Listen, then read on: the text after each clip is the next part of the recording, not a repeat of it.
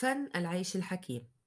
واحد من أحلى الكتب اللي ممكن تقرأها لشوبنهاور تقدر منه تاخد نصايح لتعيش بسعادة وهدوء.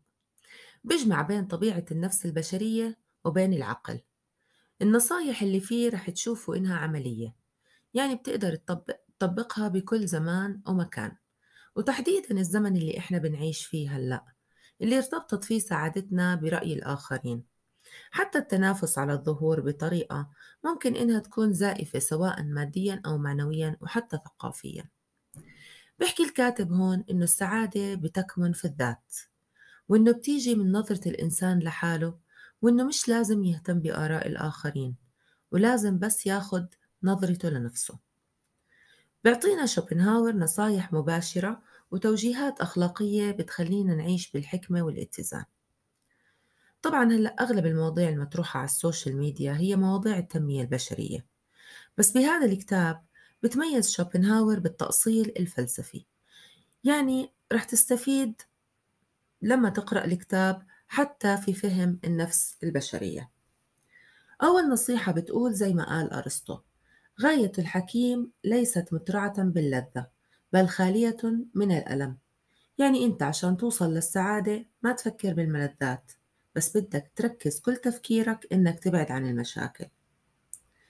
تنين ما توسع قاعدة طموحاتك وتربط سعادتك فيها واللي هذا بيؤدي إنها تتلاشى مع أول عقبة تطلع بطريقها الطموحات ثلاثة لازم تحدد شو بدك بالضبط عشان تبلش بالجوهر والأساس. أربعة بدك تكون متأكد إنه بس الحاضر هو الإشي الواقع بالحياة. يعني كل إشي سمعته عن الماضي أو تصورته للمستقبل قابل للتلاشي. الواقع بس اللي بيستاهل إنك تتفانى علشانه. القناعة.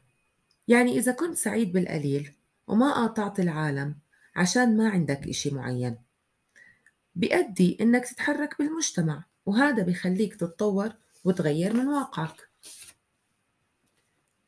العمل العقلي والفكري. بزود النفس البشرية بالطاقة. هيك بحكي لنا شوبنهاور. وبقولنا كمان اكتفي بذاتك وما تلجأ للحفلات والسهرات عشان تلاقي السعادة. ثمانية ما تحسد غيرك لأنه من يتعذب بالطمع لا أمل له بالسعادة. زي ما كان يحكي سينيكيا لمجموعة الحكماء. تمتع واستمتع أيها الحكيم بما عندك. ولا تقارنه أبدا بما عند غيرك. تسعة أي مشروع بدك تبلش فيه بدك تفكر فيه منيح وتتفحصه من كل الجوانب قبل ما يطلع للنور. بحكي لنا إنه الحياة حركة زي ما حكى أرسطو وزي ما الصحة العضوية مرتبطة بالحركة كمان الصحة العقلية مرتبطة بالاهتمامات العقلية. شوبنهاور بيقول إنه الناس ما بتقدر تشوف اللي أعلى منها أو اللي بتجاوزها. عشان هيك بنصحنا إنه نبعد عن هدول الناس ونخاطبهم على قدر عقولهم. كمان بحذرنا من نوع من الناس اللي هو هدول الناس اللي بيفكروا إنه مصالح الكون مرتبطة فيهم ومتوقفة عليهم. هدول أبعد ما يكون عن إعطاء المعنى السامي لحياتهم.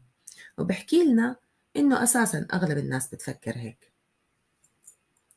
بنصحنا كمان إنه ما نترك لطباعنا تكون على سجيتها وإن نسيطر عليها.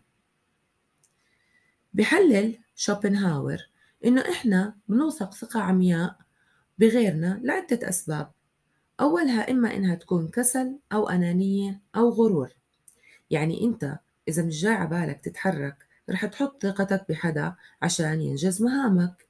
وإذا كنت مغرور بدك تحط ثقتك بحدا يغمرك بإحساس المجد ويضل يحكي عن إنجازاتك.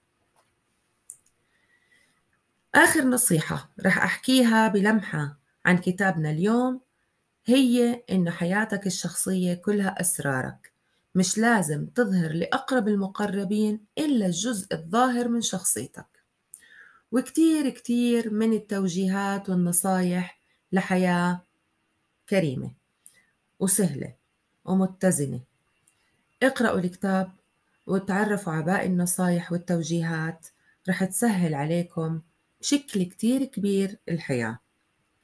وبحكي كمان شوبنهاور بالتفصيل عن النفس البشرية. رح تساعدكم إنه تفهموا شخصيات كتير من البشر اللي رح تتعاملوا معاكم معاهم. ورح يكون عندكم علم بفن العيش الحكيم. شكرا لكم وبنلتقي بكتاب جديد.